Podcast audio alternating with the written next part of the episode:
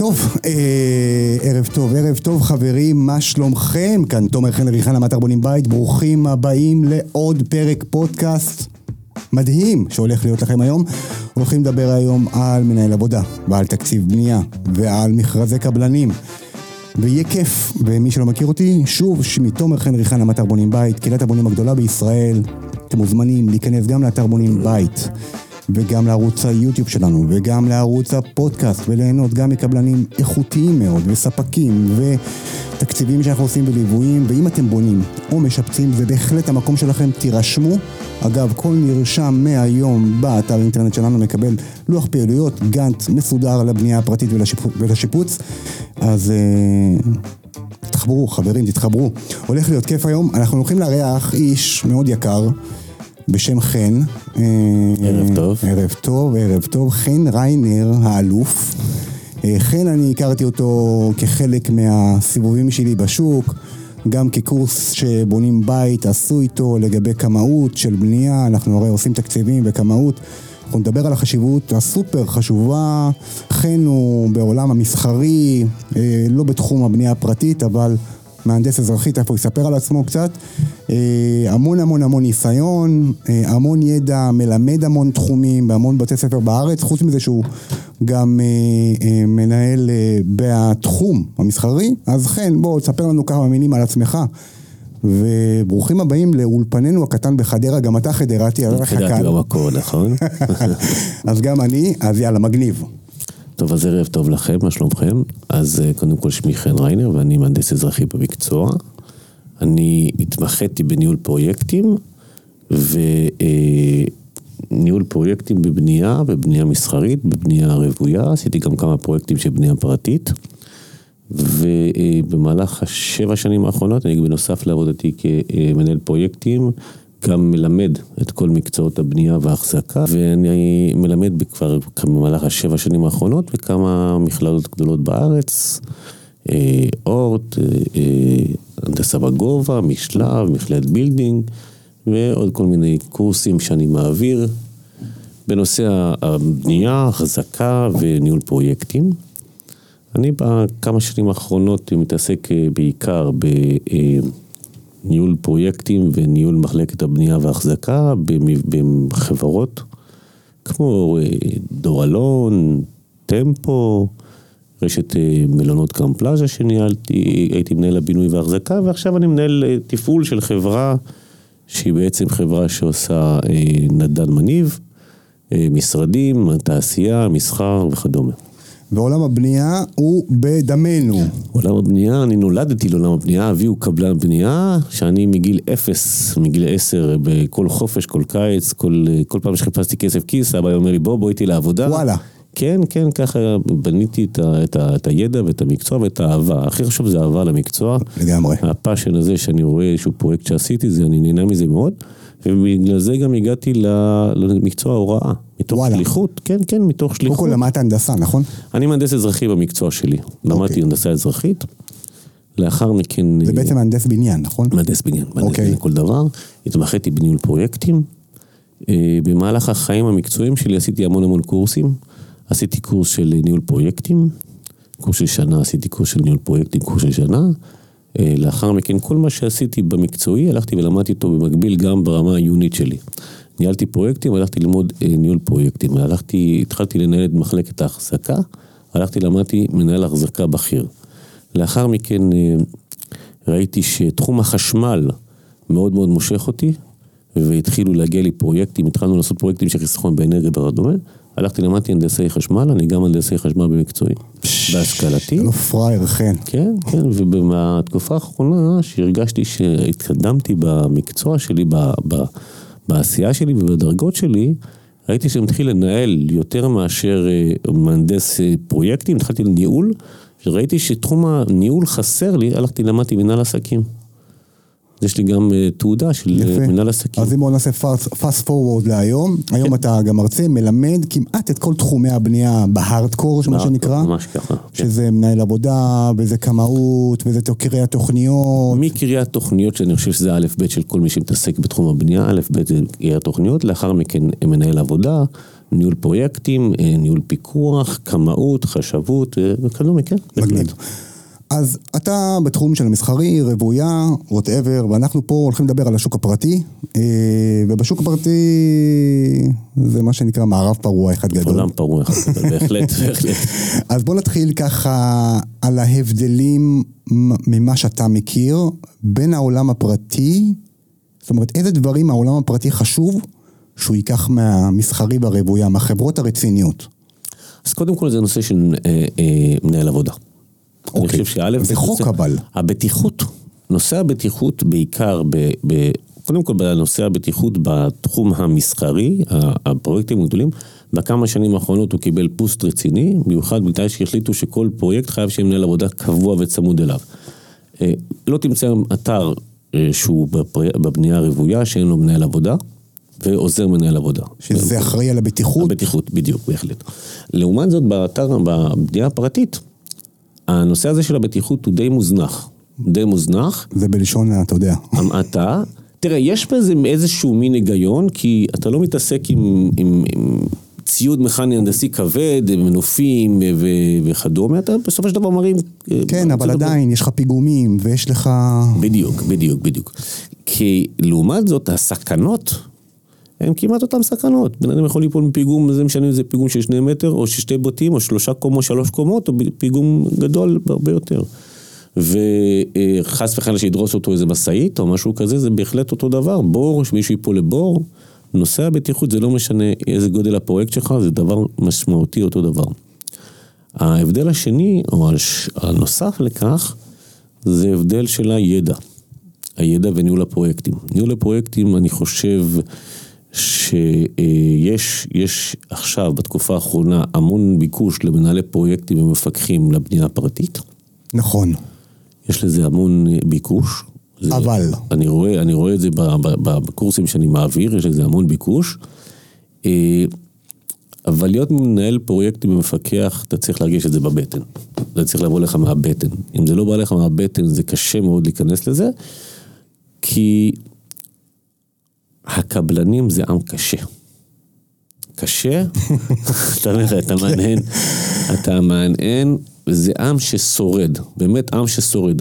מי שחושב שקבלן מרוויח הרבה כסף, הוא לא, הוא טועה. ממש. טווח הרווח הוא מאוד מאוד נמוך והסיכון הוא כל כך גבוה, תכף אנחנו נדבר גם על מכרזי קבלנים, אנחנו נדבר על זה, אבל כן, אתה צודק. שניהול הפרויקט הוא מאוד מאוד חשוב בעצם. והליווי, הליווי ש, שיזם או מישהו שרוצה לבנות את הבית שלו, שירגיש שהוא בטוח ויש מישהו ששומר עליו, מאוד דרמטי בנושא הזה. אז היום, ב...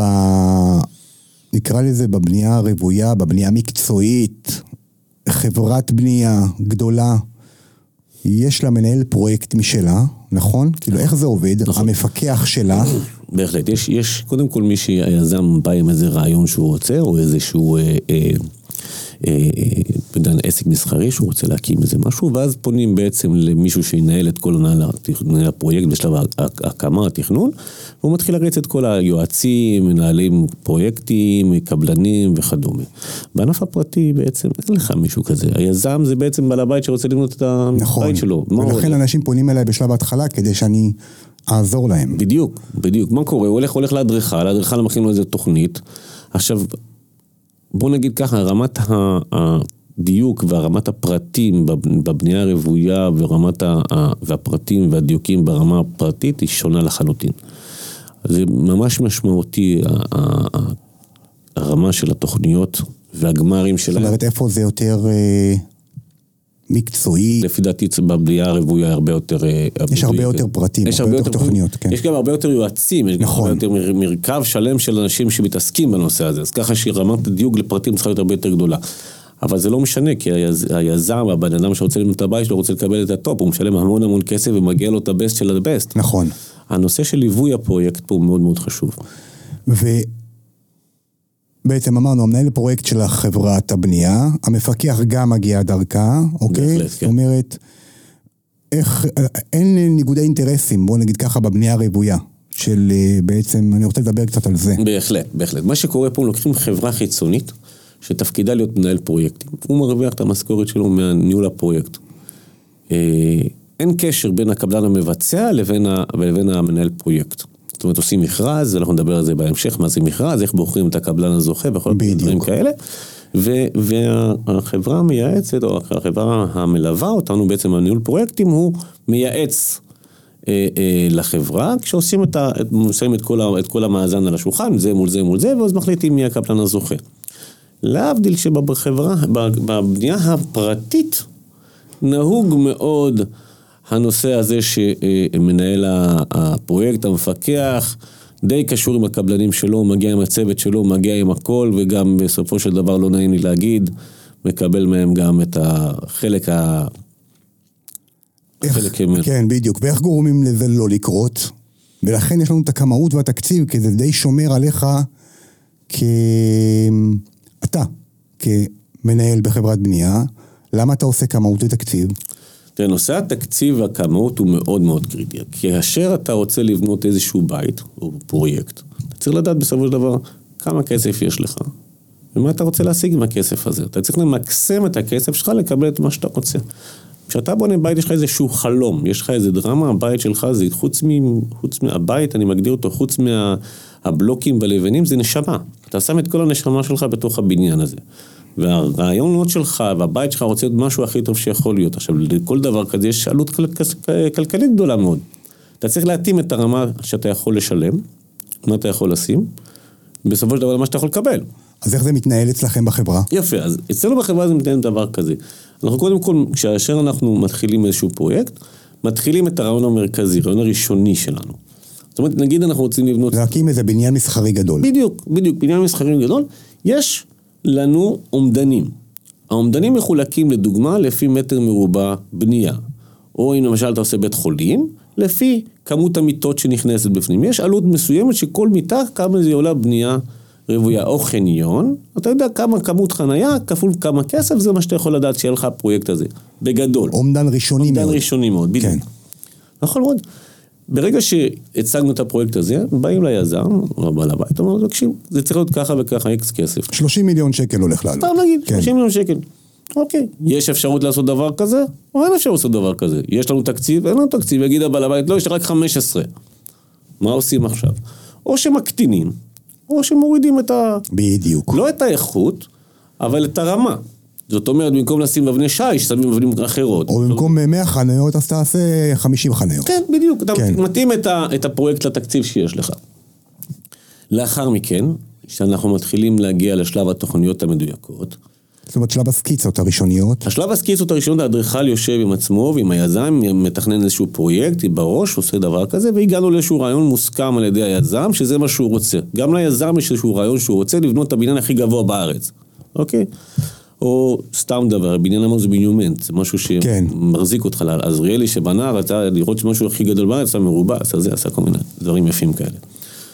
ואז אנחנו בעצם יושבים עם התוכניות האלה, ומתחילים לעשות אומדנים יותר מדויקים. כל מתכנן מתחיל לקחת את התוכנית האדריכלית ולהוריד אותה לפרטי פרטים, מתחיל לבנות תוכנית סופית. כאשר סגור כל שלב התכנון, מתחילים לעשות חישוב כמויות. ממש מחשבים כל סעיף וסעיף. כמה- בטון, כמה- וברזל, וכמה- ו- בדיוק, בדיוק, כמה כאילו, כמה טון ברזל, וכמה קוב בטון, וכמה חלונות, וכמה ריצוף, וכמה אינסטלציה, וכמה שוחות, ממש כל דבר עשינו מספר, כמות ומספר, כמות ומספר, ואומדן. ואז אתה יודע בסופו של דבר כמה אמור לעלות לך הפרויקט בסופו של דבר. אתה כיזם. אתה כיזם ואתה כמפקח, נכון. בדיוק, אתה מכין את התקציב שלך. בנוסף לכך, משהו מאוד חשוב, אתה גם יודע לחלק את הכסף הזה לפי שלבי הפרויקט. בדיוק. זאת אומרת, אתה לא מביא את ה-30 מיליון שקל ביום הראשון, אתה מחלק אותו לפי שלבי הפרויקט. אתה עושה אבני דרך לדוגמה, ואתה יודע כל שלב כמה אתה צריך לח- לשלם ולהכין אותם, כי בעצם אף אחד לא מביא את הכסף מהבית, כולם נכון. רוצים לבקש מהבנק הלוואה או משהו כזה. אתה מבטיח בצורה כזאת גם שבכל שלב נתון, אתה לא תוציא כסף יותר מאשר הבניין למה שהוא הגיע, שלבי הפרויקט שלך. שומר עליך. בדיוק, זה שומר עליך. ובלי כתב כמויות אתה לא יודע להגיע לזה. לא תוכל להגיע לזה. לא, בלי כתב כמויות זה הכל בערך. זה הכל לי- בערך. זה ליד. זה ליד, בדיוק. עכשיו ליד זה יכול להיות כמה אתה מתווכח יותר טוב, כמה הבן אדם שאיתך מספר לך סיפורים יותר טוב, וכמה העיניים שלך, זה מכירה, בסופו של דבר מוכרים לך. מוכרים לך חלום ואתה משלם על החלום הזה. נכון. בדיוק, אתה לא משלם עבור כמויות פרופר, אתה משלם עבור החלום שלך. וגם לא עבור מפרט, כאילו גם זה עניין של מפרט. גם עניין של מה. האיכות שאתה קונה בה. בדיוק, בדיוק, בדיוק. אוקיי. אתה, אתה סומך על האנשים שיספרו לך סיפורים. ולכן חשוב מאוד הנושא הזה של, של, של כתבי כמויות, מפרטים, חישובי ואומדנים מדויקים. בדיוק, ואנחנו מגיעים עכשיו למכרז הקבלני, אבל לפני, לפני המכרזים, אני רוצה לדבר איתך על מנהל העבודה. כן. נחזור קצת אחורה. מנהל עבודה היום בבנייה הפרטית, יש, יש בעיה. מצד אחד הרשויות מבקשות מנהל עבודה, מצד שני, קבלן, קטן, בסדר? נגיד, יש לי בית שאמור לעלות לי שני מיליון שקל. בסדר? האחריות על מנהל העבודה היא על הקבלן. בוא אני אסביר לך. אבל אני רוצה שנייה רק לדייק את כן, עצמי. כן. ויש שתי שיטות, יש אנשים שמפרקים לגמרי את הבנייה שלהם, אני אקח קבלן שלד ואני אקח קבלן איתום ואני אקח חשמלאי. בדבר הזה, כשאני, כשאני מחלק בתור איש פרטי שרוצה לבנות את ביתו, אני נהפך היזם. אם באה אליי הרשות ואומרת לי, תומר, חביבי, איפה המנהל עבודה שלך פה בשטח? אני אומר להם, "אה, אין לי. ואז מה? קורה מצב שאותו קבלן צריך לממן מנהל עבודה, ומנהל עבודה זה לא 5,000 שקל, זה 25,000 שקלים בחודש. אתה צודק מה שאתה אומר, אני, אני קצת אעשה סדר. ויש פה, יש פה סוג של אה, די, דייסה. החוק מחייב את מבצע הבנייה לה- להעסיק באתר בנייה מנהל עבודה רשום. זה החוק, מבצע הבנייה. בפרטי ובציבורי, וזה לא, משנה. לא משנה בכלל, זה לא משנה. מבצע הבנייה חייב להחזיק מנהל עבודה. כאשר אתה חותם עסקה עם קבלן ראשי במרכאות, שבונה לך את הכל, הוא הופך להיות מבצע הבנייה. הקבלן הראשי הופך להיות מבצע. זאת אומרת, אם הבאת קבלן שלד שעושה לך שלד גמר עם אינסטלציה והכל נקרא לזה קבלן מפתח. קבלן מפתח, בדיוק. כן. קבלן מפתח הוא הופך להיות מבצע הבנייה, האחריות המלאה עליו. הוא היזם. הוא, לא היזם. הוא לא היזם, אבל הוא מבצע. המבצע הבנייה, מבצע אוקיי. הבנייה. כן. ההגדרה הנכונה היא מבצע הבנייה. אוקיי. אבל, כאשר היזם, כמו שאמרת, מחלק את העבודה בין כמה וכמה. אני, אתה- בעל המשפחה, הפרטי, כן, ה-. איש ההייטק, בדיוק, אמרו, אמרו לך, למה תשלם, תשלם כסף אקסטרה שהקבלן... חלק. חלק. תביא את הקבלן שלט, תביא את הקבלן אינסטלציה, תביא את הקבלן חשמל, תביא את, את כל האנשים האלה בנפרד. מה שקרה כרגע, אתה בעצמך הפכת להיות מבצע הבנייה. אתה הפכת להיות הקבלן הראשי. ואז חובת ההחזקה של מנהל העבודה היא עליך, על היזם. מה זה אומר זה אומר, תכלס? זה אומר שתכלס, מבחינה חוקית, מי שאחראי על הבטיחות באתר זה אך ורק אתה. מבצע הבנייה שזה אתה. מה שקורה, אם חס וחלילה קורה תאונה, אם חס וחלילה יש פציעה, סבירות לא יש סבירות קטנה לא קטנה ש- שדבר כן. כזה יקרה, בוודאי, פציעה, אה, בטיחות בעבודה, או לחלופין, אם יגיע מפקח בנייה לאתר ויראה אותך הרשויות, אתה יכול לעמוד לדין.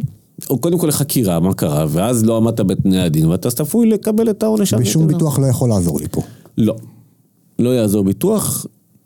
אה, תקח את זה, תקביל את זה לנסיעה ברכב. נסעת עם ביטוח, או נסעת עם, עם רישיון נהיגה, או בלי רישיון נהיגה. זה אותו דבר, בלי רישיון נהיגה, אתה חשוף. ואז, אז אני אומר, אוקיי, אני אפרק, אבל אני לוקח מפקח בנייה. יפה. שיפקח לי על הבנייה. אני לא לוקח קבלן מפתח, אני לוקח מחלק ולוקח מפקח. יפה מאוד. תפקידו של, מפקח הבנייה לא מחליף מנהל עבודה. זה קודם אוקיי. כל. תפקידו של מפקח במקרה הזה, לדעת איך לעשות את ההסכם עם אחד הקבלנים, נגיד קבלן השלד, ולהפוך אותו כקבלן הראשי. הוא לא, הוא לא יהיה הקבלן הראשי בעצם לכל הוא העבודה. אחרי השלד הולך. הוא יהיה הקבלן שיהיה אחראי להביא מנהל עבודה לפרויקט הזה. מה שאתה אמרת נכון, בעצם קבלן השלד אחרי השלד הולך. ואז נשאלת השאלה מי אחראי ל... לשאר הבנייה, יש לי עוד, אה, עוד שמונה חודשים. נכון, נכון. יש פה בעיה מסוימת, מה שאתה אומר. הבעייתיות היא לא בשלב של הבנייה אחרי זה, הבעייתיות היא למשל בשלב הטיח. כי כאשר עושים טיח, עושים פיגום לטיח, חייב להיות מישהו שאחראי על הפיגום הזה. וצריך להביא מישהו שהוא בעל, בעל הסמכה מיוחדת להתקין פיגומים, ויש בדיקות נדרשות פעם בשבוע על הפיגום, כשמנהל עבודה חייב להיות חתום על הפיגום הזה. אבל זה לא קורה בבנייה הפרטית. זה לא קורה בכלל, זה לא קורה בכלל, וזה פה הבעיה. אז זאת אומרת, העסקה שלך צריכה להיות עם קבלן השלט, שהוא יהיה אחראי על, על הבטיחות, עד אחרי שלב הטיח. זה לא קורה, זה לא יקרה. זה לא קורה ולא יקרה, ופה יש בעיה רצינית מאוד.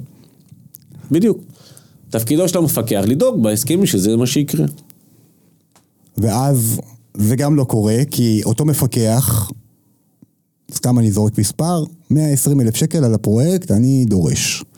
אני לא מתמחר את המנהל עבודה בפנים, כי מנהל עבודה זה 25 אלף שקלים בחודש. זה נכון.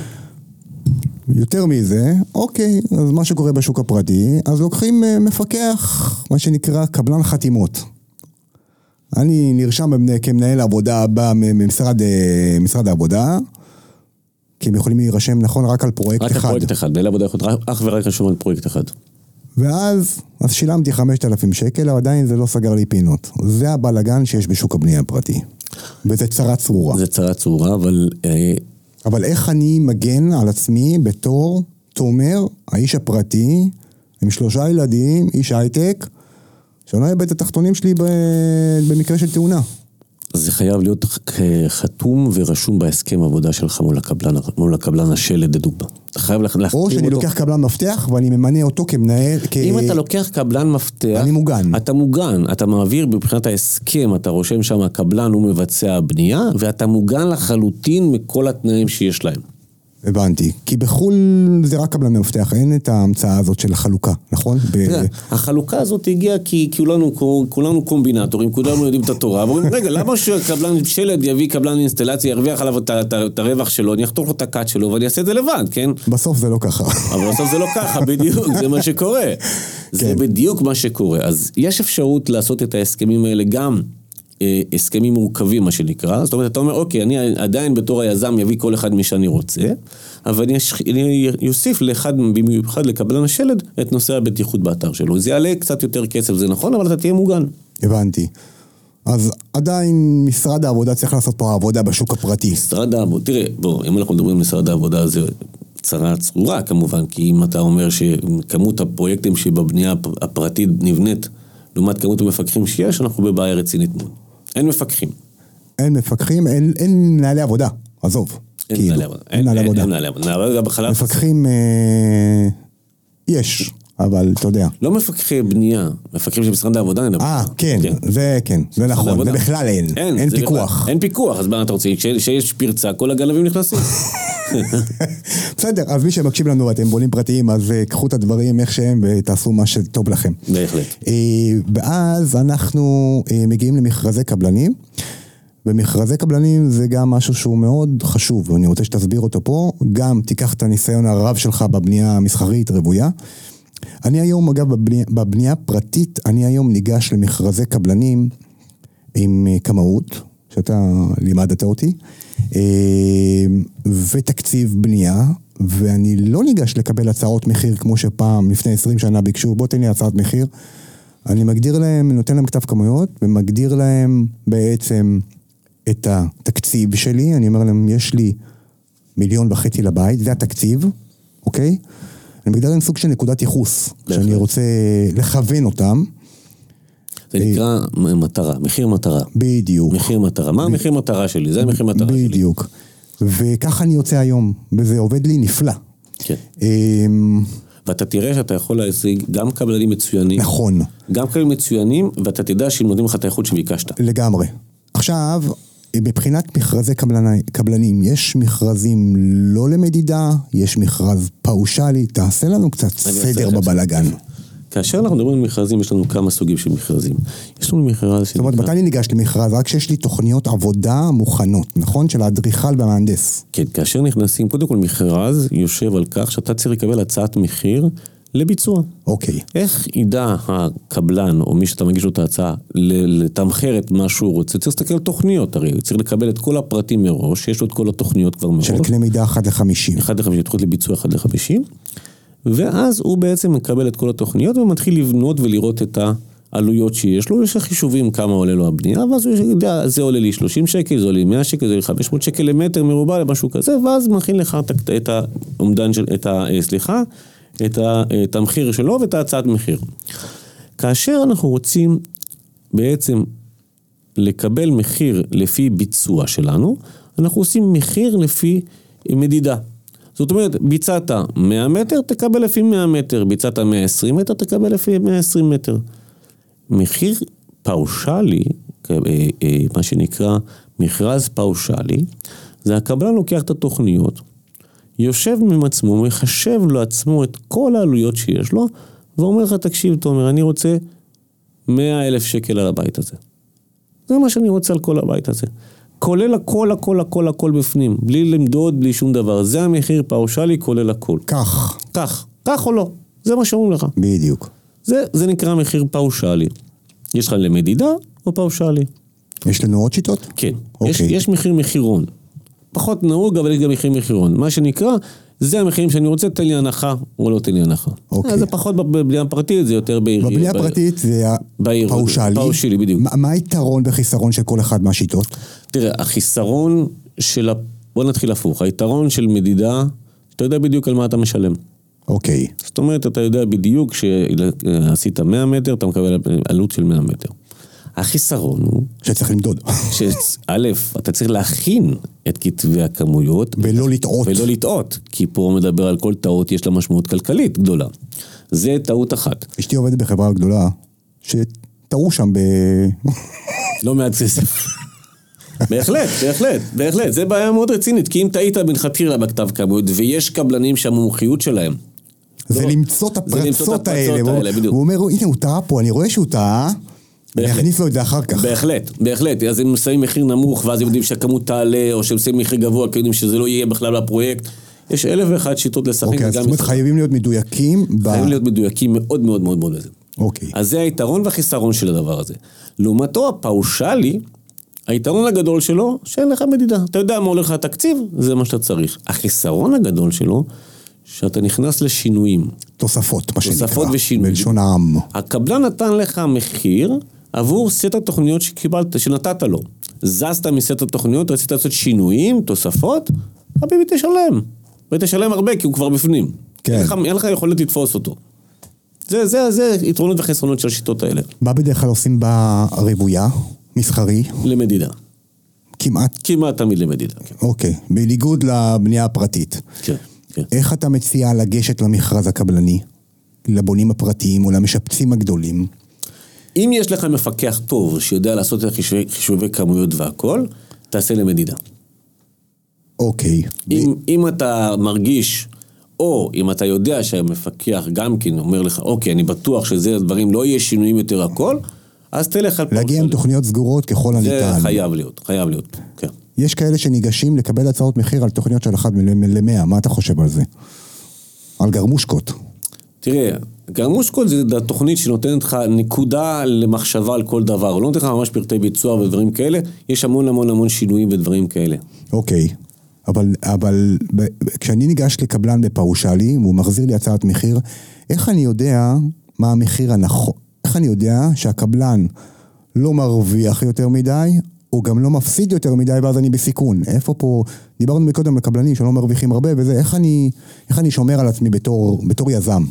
בתור יזם אתה צריך לבוא עם אומדנים נכונים. האומדנים שלך הראשונים צריכים להיות לך נכונים. אם אני מגיע בלי תקציב בכלל, אין לי תקציב. אז, אז אני מסתמך על מה? כאילו, איך אני יודע? על טוב ליבו של הקבלן? לא. באמת? כי, כי, תשמע, אני בניתי ב-2011, אוקיי?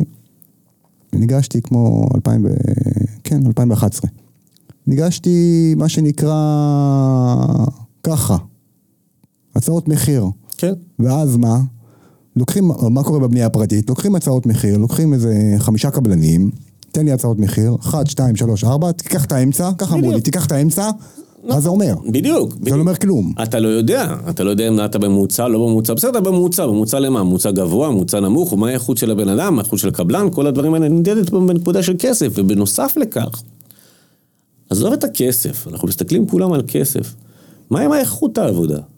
נכון. ומה עם, עם השקט הנפשי שלך כיזם, כבן אדם שרוצה שהבית שלו יבנה בצורה הכי טובה ביותר, אבל הוא לא יושב באתר בנייה, הוא כל היום מסתובב בעבודות שלו. הוא צריך להיות טרוד כל היום ב- ב- ב- בזמן שהוא עובד במקום אחר, מה עושים אצלו באתר? דפקו אותי, לא דפקו אותי, גנבו אותי, לא גנבו אותי. זה לא לעניין. לגמרי. בן אדם צריך להיות רגוע, שיודע שיש מישהו באתר שהוא סומך עליו. זאת אומרת, איך, איך היום בבנייה הרוויה, בבנייה המסחרית, הקבלת ההחלטות במכרז קבלנים מתקבלת? קודם כל, הקבלנים הראשונים זה קבלנים שהם מנוסים, והם בכלל לא מגיעים למכרזים, אם לא מקבלים מנוסים וסומכים עליהם, ובעלי ניסיון ושם. ומומחים. וסיווג, ועניינים, וסיווג, ו- ומומחים, ומומחים בתחומם, מה שנקרא. אוקיי. לא מחפשים... אה, זול. זול. כן. לא, כולם מחפשים זול. לא, ברור, בדיוק, זאת השאלה שלי, איך, איפה פה ה... כולם מחפשים זול תחת מחיר, איך אומרים? תמיד אני אומר זה value for money. אוקיי. אתה מכיר את המושג כן. הזה, value for money. אתה רוצה עכשיו... אני תימני, אני אמור לעשות. אני אספר לך סיפור. נו. ישב אצלי איזה קבלן אחד, ואמר לי, המחיר שלו היה מאוד גבוה, אוקיי. הוא אומר לי, תמיד אתה לוקח אותי רק לעבודות המסובכות ביותר. אמרתי לו, "ת- תראה את איזה מחיר אתה לוקח, אני לא יכול להרשות לעצמי להביא לך עבודות פשוטות יותר. אבל יש לי value for money, אני מוכן לשלם על מה שאני מקבל. אוקיי, אם אני אחפש זול, אני אקבל זול בסופו של דבר. צריך למצוא תמיד את הממוצע. אוקיי. אז בעצם אתם, אתם בוחרים, כמה קבלנים אגב בוחרים במכרז? תלוי, שלושה, ארבעה. אוקיי. ואז מה, אתם בוחרים אותם, עושים קאדר של חמ- נגיד חמישה ארבעה קבלנים, ואז... בהחלט, אז אנחנו מתחילים, קודם כל אנחנו עושים לעצמנו מחיר מטרה, שאנחנו יודעים מה העלות אה, שצריכה כמוני. כן. בהחלט, בהחלט. קודם קודם כל אתה צריך לדעת מחיר מטרה. הופה. לאחר מכן אתה נותן להם את כתבי כמויות ואת התוכניות והכל, הם יושבים ממלאים את הכל, ואז אנחנו רואים מה המחיר הממוצע, ומתחילים לעשות משא ומתן בין הקבלנים. מתחילים להגיע למחיר שאנחנו רצינו מלכתחילה. זאת אומרת, אם אתה הכנת תקציב בחברה שלך, והגעתם ל-15 מיליון עלות פרויקט, כן. אוקיי, והקבלן הציע... אחד נתן 30, אחד נתן 27, אחד נתן 20. אוקיי. בסדר? אז מתחילים לעשות משא ומתן ביניהם, אומרים לו, אוקיי, אנחנו... לא תמיד לוקחים את הזול ביותר. כאילו... לא. זה... זה- זה אמור- איך, איך. קבלת ההחלטות מתקבלת? אמרנו, value for money, אנחנו אוקיי. רוצים לדעת מי הקבלן הטוב בין שלושתם או בין ארבעתם, כשמתקרב למחיר מטרה שלנו, ובין שלושתם. זאת אוקיי. אומרת, יכול להיות ששלושתם טובים, טוב, כולם טובים, ואחד יגיד לך, אתה יודע מה, אני רוצה את העבודה הזאת, אני אקח במחיר שאתה רוצה. אבל אני יודע מראש מה אני מבקש. אוקיי. כשאתה מבקש, כשאתם מבקשים במכרז, אתם מבקשים גם מפרט? בוודאי, בוודאי, המפרט הטכני זה שלב, זה, זה, זה, זה זה חלק בלתי נפרד מהתוכניות ומכתבי הכמויות. זאת אומרת, אתה שולח לקבלן גם מפרט, תוכניות, מפרט וכתבי כמויות. אוקיי, ואז מה, הוא רואה את המפרט ויכול להשוות תפוח לתפוח. הוא מקבל ממני סט שלם של תוכניות, מפרטים, חוזים לדוגמה, וכתבי כמויות. זאת אומרת, גם אפילו את החוזה, מה שאני מבקש ממנו, החוזה המסחרי, הוא יקבל גם מראש לבדוק אותו. אולי החוזה הזה טומן בתוכו כל מיני אה, דברים שהוא לא תמחר אותם, ואז הוא יבכה, ואז הוא יפסיד כסף, ואז הוא ינסה לגנוב אותי באיזשהו משלב. או לא לגנוב, בוא נגיד לא לגנוב, אבל לגנוב זו מילה קשה. כן, כן. לצמצם, ל- לצמצם. הפסדים, בוא כן. נגיד ככה. איך אתה, איך, איך אתה גורם לזה שקבלן לא יפסיד? כי אם הוא מפסיד, אתה מפסיד, נכון? כאילו זה... תראה, החוק, זה החוק. החוק בטבע אומר שאף אחד לא יפסיד כסף. אם הקבלן מרגיש שהוא יפסיד, אז אתה תשלם על זה באיזושהי צורה אחרת. אז איך אתה בתור... אז, אתה מייצג את החברה שלך, אז אתה... תראה, יש פה, יש פה שילוב של כמה גורמים. אחד, זה ניהול נכון של שלב התכנון והמכרז. שזה הכי חשוב. שזה הכי חשוב בהחלט, אז תדע מה העלות האמיתית שלך.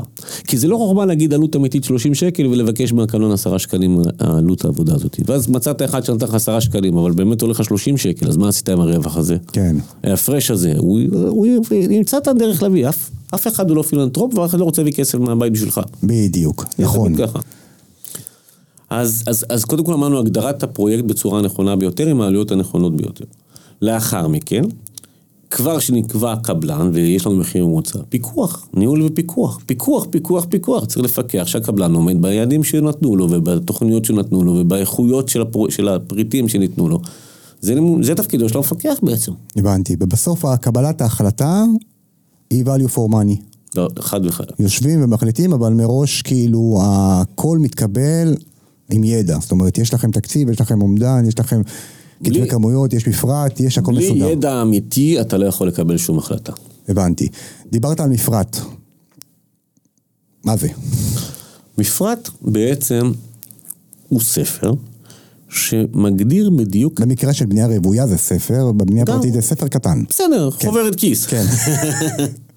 אבל לא משנה, הוא מגדיר לך בדיוק כל דבר מה אתה מבקש, מה הוא צריך להיות. אם אתה רוצה, לדוגמה, קרמיקה, אז הוא יגדיר לך איזה סוג קרמיקה, מאיזה חברה מסוימת, או שווה ערך שנותן את אותה איכות, ועלויות של הקרמיקה הזאת, או בלי עלויות, נגיד מה האיכויות שלה. למשל, אם אתה רוצה קרמיקה נגד החלקה, אז יהיה רשום שם קרמיקה מסוג R כזה וכזה, נגד החלקה, במקלחת, במרפסת ודברים כאלה, אבל זה חייב להיות רשום במפרט הטכני. אם זה אינסטלציה, אם זה אינסטלציה, אז איזה סוג צינור, צינור HDP, צינור PVC, צינור אה, וכדומה, כל מיני סוגים של צינורות. מה אתה מבקש לקבל? זה לא, אתה יכול לדבר עם קבלן אחד שיגיד לך, אני שם צינור שעולה, סתם לדוגמה, 100 שקל, והשני יגיד לך, אני שם צינור ששווה 30 שקל. שניהם ישמשו אותו דבר.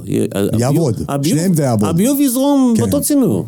אבל השאלה היא אורך חיים, איכות, תקינה, אם אתה צריך לעבוד בתקינה גם מסוים, יש גם צינורות שלא עומדים בכלל בתקן היום. מביאים אותו מכל מיני מקומות, טורקיה, סין וכדומה, שלא עומדים בתקן בכלל. גם זה יכול להיות. אתה צריך לה- להגדיר מה אתה מבקש. ואז אם לא הגדרת, וזה קורה הרבה בבנייה הפרטית, בהחלט. אז, אז, ואתה רואה את זה. אז מי שמחליט זה הקבלן. אם הקבלן שלקחת, הוא יפרש. הוא יפרש מה שהוא רוצה, מה שמתאים לו. וחוץ מזה, עכשיו אני רוצה להגיד משהו לטובת הקבלנים. אני פה לא רוצה להישמע נגד לא, הקבלנים. לא, לא, לא, אנחנו ממש לא. אני רוצה להגיד משהו לטובת הקבלנים. או, או ב- לפעמים הוא לא עושה את זה מתוך רוע, או מתוך רצון לחסוך. זה מה שהוא יודע. זה מה שהוא מכיר, זה מה שהוא יודע. הוא לא יודע שיש חומר יותר טוב, גם פחות או יותר באותה עלות. זה עניין של ידע. ידע, ידע ומקצוענות. למשל, אתה יכול לדעת סוגים שונים של יריות ביטומניות. יש המון סוגים של יריות ביטומניות. נדבקת, ירייה לא נדבקת, ירייה... בדיוק, יש כל כך הרבה. בדיוק, נכון. כן. ואז צריך לעשות את הירייה הנכונה, את הסוג של ירייה הנכונה, למקום הנכון. יש המון, המון שינויים במקומות וכאלה. לגמרי. אז אתה מגדיר ברמת לקבלנים הגולן בדיוק. זה שונה פה, ובאזורים האלה הלכים, אזורים רטובים, אזורים יבשים, זה שונה מאוד מכל סוג שהוא. כן. אה, מה, איזה פרמטרים משפיעים לי על עלות בנייה, בגדול, לדעתך? אז אמרנו, אה, העלות הבנייה מורכבת מכמה דברים. עלות החומרים, זאת אומרת, עלות הביצוע, בוא, נפ... בוא נחלק זה גורמים. עלות הביצוע. עלות הביצוע, כמה עולה לקבלן לבצע את זה, תכלס, האנשים, החומר, החומר השחור, הבלוקים, לא הבלוקים, הברזל, ה- ה- העץ, תפסנות, מסמרים, חוטי קשירה, כל הדברים האלה, ועלות העבודה של האנשים. זה שלב אחד, כמה שזה עולה לו. לאחר מכן יש את עלות החומר עצמו, כמה בטון עולה, כמה ברזל עולה, כמה הוא קונה אותם. אוקיי. אחרי זה יש לך את המורכבות העבודה. אתה רוצה משהו מסובך, שצריך מיוחד, איזה תבנית מיוחדת לעשות, זה עולה כסף. אתה רוצה איזושהי קרמיקה מיוחדת באיזשהו מקום, גם היא עולה כסף. אתה רוצה איזשהו אלמנט דקורטיבי על גג הבניין, שייתן לך איזה כותרת לבית שלך, משהו מיוחד, גם זה עולה כסף. יש דברים מיוחדים סטנדרטיים, יש דברים מיוחדים. זה גם עולה כסף. והשלב האחרון זה אחוז הרווח שהקבלן רוצה להרוויח. שמה אחוז הרווח בתחום המסחרי והרוויה, פחות או יותר היום? אה, בערך 20 אחוז, 15, 20 אחוז הם אה, בסדר, כאילו זה בסדר. שזה לא הרבה. לא, אין, אין רווח גדול. אין. כן, כן, כן, כן. ויש להם בלת"מים, ויש להם זה, ו... פה, פה, פה בדיוק נכנסת הנקודה שכמה אתה יותר מקצוען בניהול הפרויקט שלך. אם אתה יודע לנהל את הפרויקט טוב, ללוחות זמנים, לעמוד בלוחות זמנים, להביא את הקבלנים הנכונים, להביא את- לצורת העבודה, אל תבנה ותפרק אחר כך, זה הכי גרוע. אמ, רציתי לשאול אותך, אצלכם, איך אצלכם מתבצעת עריכת תקציב בכמאות? כאילו, איך זה הולך? בבנייה הרוויה והמסחרית. אז אמרנו, כל, אחרי שעשינו את האומדן הראשוני, אז כל יועץ, הוא לוקח ועושה את הכתבי כמויות לחלק שלו. אוקיי, זאת אומרת, יש לכם בעצם קמאי יש לנו, יש לנו, יש לברזל, לנו, ויש לכם יש לנו קמאי... מתכנן, מתכנן נגיד אה, אה, קונסטרוקטור, מתכנן, מתכנן המהנדס הבניין שמתכנן את כל השלד, הוא מחזיק קמאי משלו. שלכם, שלנו, כן, של, של החברה. או של החברה, או תחת המהנדס הזה, תלוי אוקיי. מה סוגרים- מה סוגרים אוקיי. איתו, והוא יושב ועושה את כתבי הכמויות ואת החישובי כמויות לתוכנית. זאת אומרת, הוא אומר לך, אוקיי, פה יש לי אה, אה, 200 טון ברזל. בדיוק, 200 טון ברזל, 500 קוב בטון וכדומה על כל סעיף וסעיף, בהחלט. אוקיי, ואז כל אחד לכל סעיף, זאת אומרת, יש לבטון ויש לברזל ויש בהחלט. קמאי נפרד לכל אחד? לא קמאי אחד, אז לא. לא, יכול להיות שקמאי אחד עושה את כל הפרויקט, זה לא משנה, קמאי הוא קמאי, אבל אוקיי. אמרתי, בדרך כלל כל יועץ מכין את כתבי הכמויות לנושא שלו. לדוגמה חשמל, יועץ החשמל, מכין את כתבי הכמויות הבנתי. לנושא שלו. הקונסטרוקטור מכין את כתבי הכמויות לפרק שלו. אה, אה, האינסטלטור, יועץ האינסטלציה מכין את כתבי ל- לפרק שלו, יועץ המעליות מכין את כתבי הכמויות למעליות וכדומה, ואז לוקחים, מאגדים ביחד את כל הפרויקט הזה לספר מכרז שלם, ויודעים בדיוק כמה זה עולה. אבל לא כל, כל היועצים מבצעים כמויות, כאילו, אין בעיה, או שזה חלק מ, מתהליך העבודה בתחום המסחרי? כי אני- בתחום הפרטי זה לא, זה לא ככה. נכון, אז זה מה שאני אומר, אז אתה יכול להעסיק בסופו של דבר שכל אחד עשה תוכנית, אתה יכול להעסיק מישהו שהוא חשב כמויות, ואז הוא לוקח את כל הפרויקטים זה מה שאני עושה האלה. בבונים בית, כזה, כן, זה, בדיוק. כאילו, אחד מארגן את כולם. כן. יכול להיות. הבנתי, אבל בתחום המסחרי, בתחום הרוויה, זה... אז אמרתי, זה בעיקר ככה, כל אחד מעסיק, כל, כל יועץ מעסיק את התחום שלו ויש לו קמאי שלו. הקמאי זה, זה בערך העבודה שמלווה מתחילת הפרויקט, בין השלב הראשון של הייזום, עד סוף הפרויקט, עד החשבון הסופי של הפרויקט, מישהו צריך לשבת ולחשב את הכמויות של הפרויקט הזה. כן, אין פרויקט במסחרי רוויה שלא עובר תקציב וכמאות, אין דבר כזה. אין דבר כזה. אז למה בבנייה הפרטית זה לא הושרש לאורך שנים, לדעתך? זה מעניין, אתה מלמד המון שנים. אני אסביר מה, מה לפי דעתי באופן כתוב. דבר ראשון, אה, דיברנו על תקציב. זה עולה כסף. זה עולה כסף, זה תמיד... אז מה, אבל אני יזם, אני משקיע שלושה מיליון שקל על הבית שלי. בהחלט, בהחלט, נכון. וזה זה- פרומיל מהעלות של אז- הבית. אז, אז זה בדיוק מה שרציתי לך מקודם.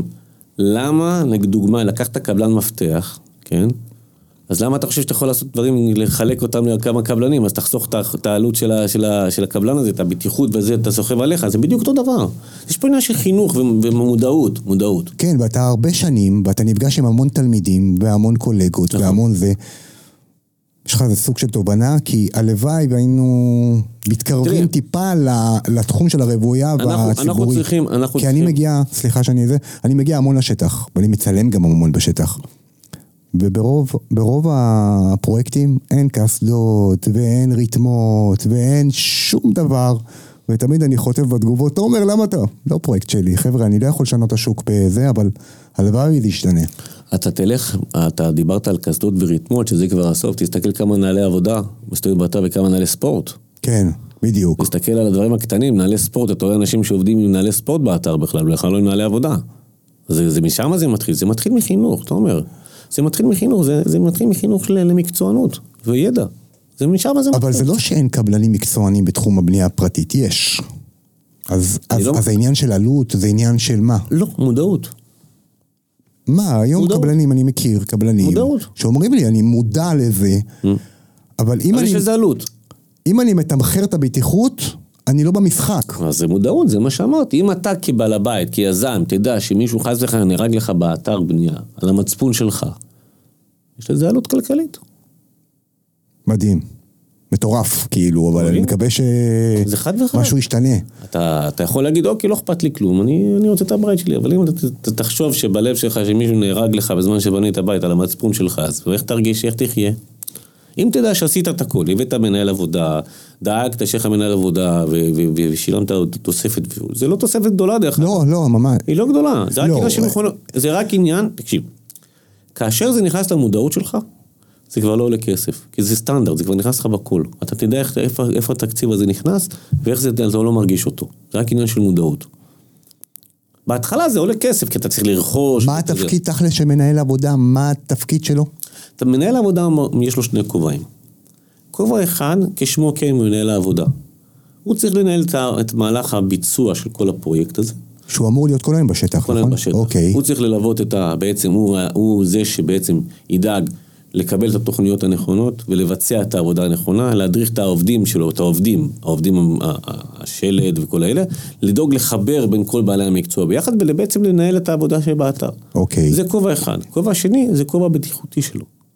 הכובע הבטיחותי שלו זה בדיוק לדאוג לדברים האלה של הבטיחות. זה, זה הוא לומד, הוא לומד לא מעט זמן את הבטיחות. יש עליו לא מעט אחריות. בהחלט. ואתה מלמד גם אה, מנהלי עבודה. אני מלמד גם קורסים של מנהלי עבודה, כן. בהחלט. הבנתי. אז יש לך סוג של תקווה בשוק הפרטי.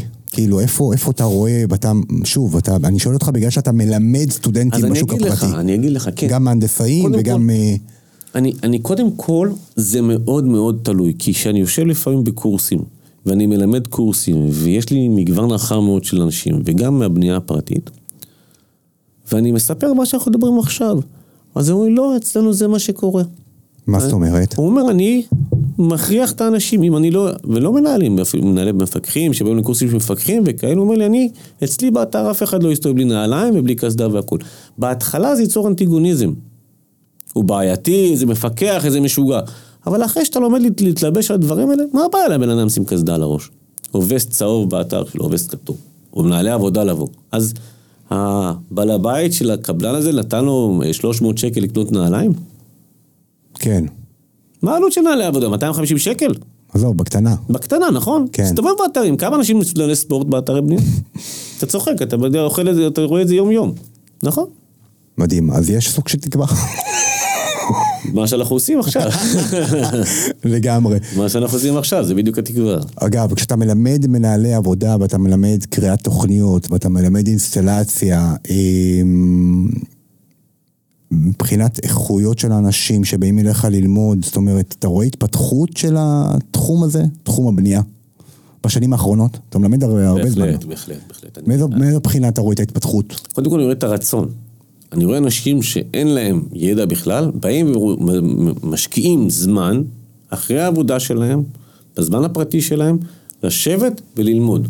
זה כבר אני רואה התקדמות בדברים האלה. אנשים רוצים ללמוד, יש להם את הרצון הזה ללמוד. ברגע שהתחלת ללמוד, אתה מבין את הסכנות שיש בך. ברגע שאתה יודע שיש סכנות, כבר תפתור את הבעיות האלה כבר. יעלה okay. אוקיי. יותר, יעלה פחות, זה כבר שיקול שלך, אבל הבנת את העבודה הזאת. כשאני מחפש לבנות איזה משהו, אני מחפש קבלן שיש לו תעודה, שיש לו קבלן רשום, כי אני יודע שהוא... מה זה קבלן רשום? קבלן רשום זה קבלן שהוסמך על ידי איגוד הקבלנים, רשם הקבלנים, להיות קבלן עם תעודה של רשום. אתה יודע שזה לא חאפר, בוא נגיד במרכאות. אוקיי. יש בן אדם שלמד, ויש לו תעודה. יש לו למה, יש לו מה להפסיד. אוקיי. ברגע שבן אדם יש לו איזשהו רישיון, יש לו דיפלומה מסוימת, יש לו כבר משהו שהוא, יש לו איזה שוט כזה שאומר, ישבתי, למדתי, השקעתי. אני לא אזרוק הכל בשביל... לא אזרוק הכל כן. דבר כזה, בדיוק, כן. עוד 5,000 שקל. כן. זה לא משחק תפקיד. אם מישהו שהיום הוא קבלן שלד, מחר הוא קבלן אינסטלציה, מחרתיים הוא טייח, אני לא יודע מה, בלי לזלזל באף אחד.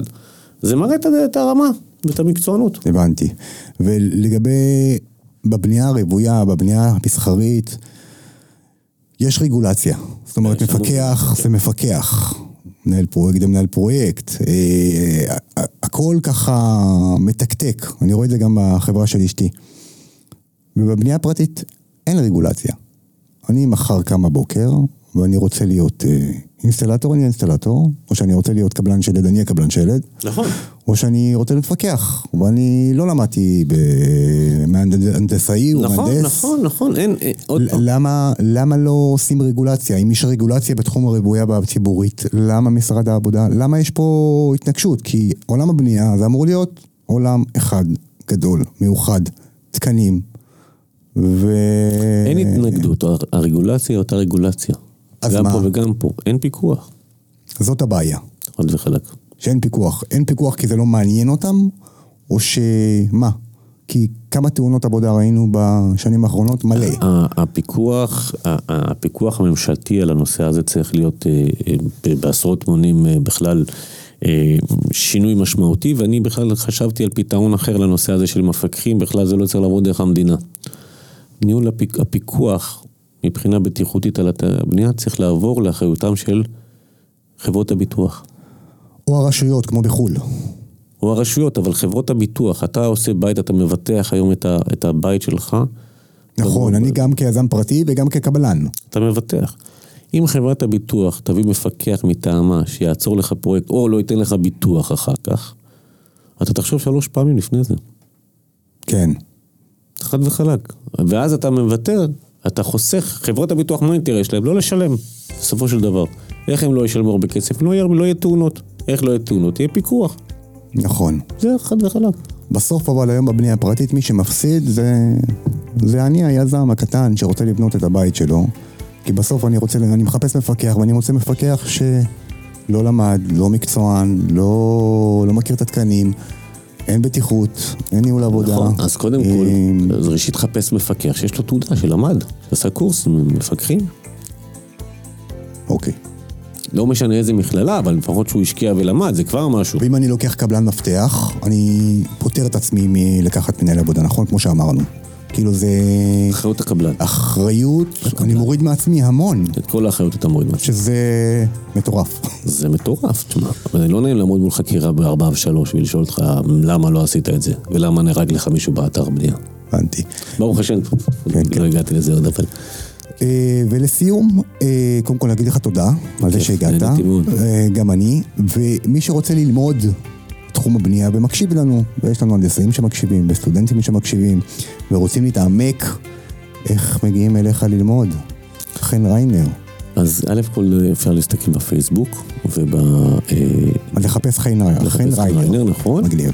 וגם אה, מכללות שונות, אני מלמד בכל מיני מכללות שונות. ומה אתה מלמד? אני מלמד מקורסים של מנהלי עבודה, אוקיי, מלמד קורסים של קריאת תוכניות לאנשים שרוצים לבנות בתים ורוצים לדעת את האלף-בית שלהם, אוקיי. עד מנהלי עבודה שמחפשים להתמקצע. אני מלמד אה, קורסים של אה, ניהול פרויקטים וקמאות וליקויי בנייה, וכל כל מה שקשור לענף הבנייה. אז אה, אם אתם מקשיבים, אז בא לכם ללמוד את ענף הבנייה, שזה אחלה ענף, צריך לשפר אותו, הוא לא חף מ... ענף הבנייה זה ענף עם המון המון סיפוק. לגמרי. זה המון סיפוק, זה נותן סיפוק אדיר שאתה רואה משהו שאתה חלמת עליו, צץ לך מול העיניים ואתה רואה אותו ממש אה, קיים. לגמרי. ולת, ולתמיד, עכשיו אתה עושה משהו אחד למאה שנה. 70 ממש שנה. מדהים, ממש ככה. אני עזבתי את ההייטק בשביל הדבר הזה. מדהים. זה קשה. איך אמרת לי? זה אימא של הלואו-טק. היה ממש עותק. טוב, אז אה, חן, קודם תודה רבה, היה כיף ותענוג לארח אותך. פה אצלנו בא- באולפן, ואנחנו כנראה עוד נתראה, אתה יודע, בשטח, בעניינים וזה. חברים, אני מקווה שנהנתם, אם יש לכם שאלות כאן בתגובות, הוא לא מפקח בבנייה בתחום הפרטי, אל תפנו אליו, רק מי שרוצה ללמוד, או בכלל... שאלות ובכיף. לגמרי. ביי אנשים. תודה. כיף.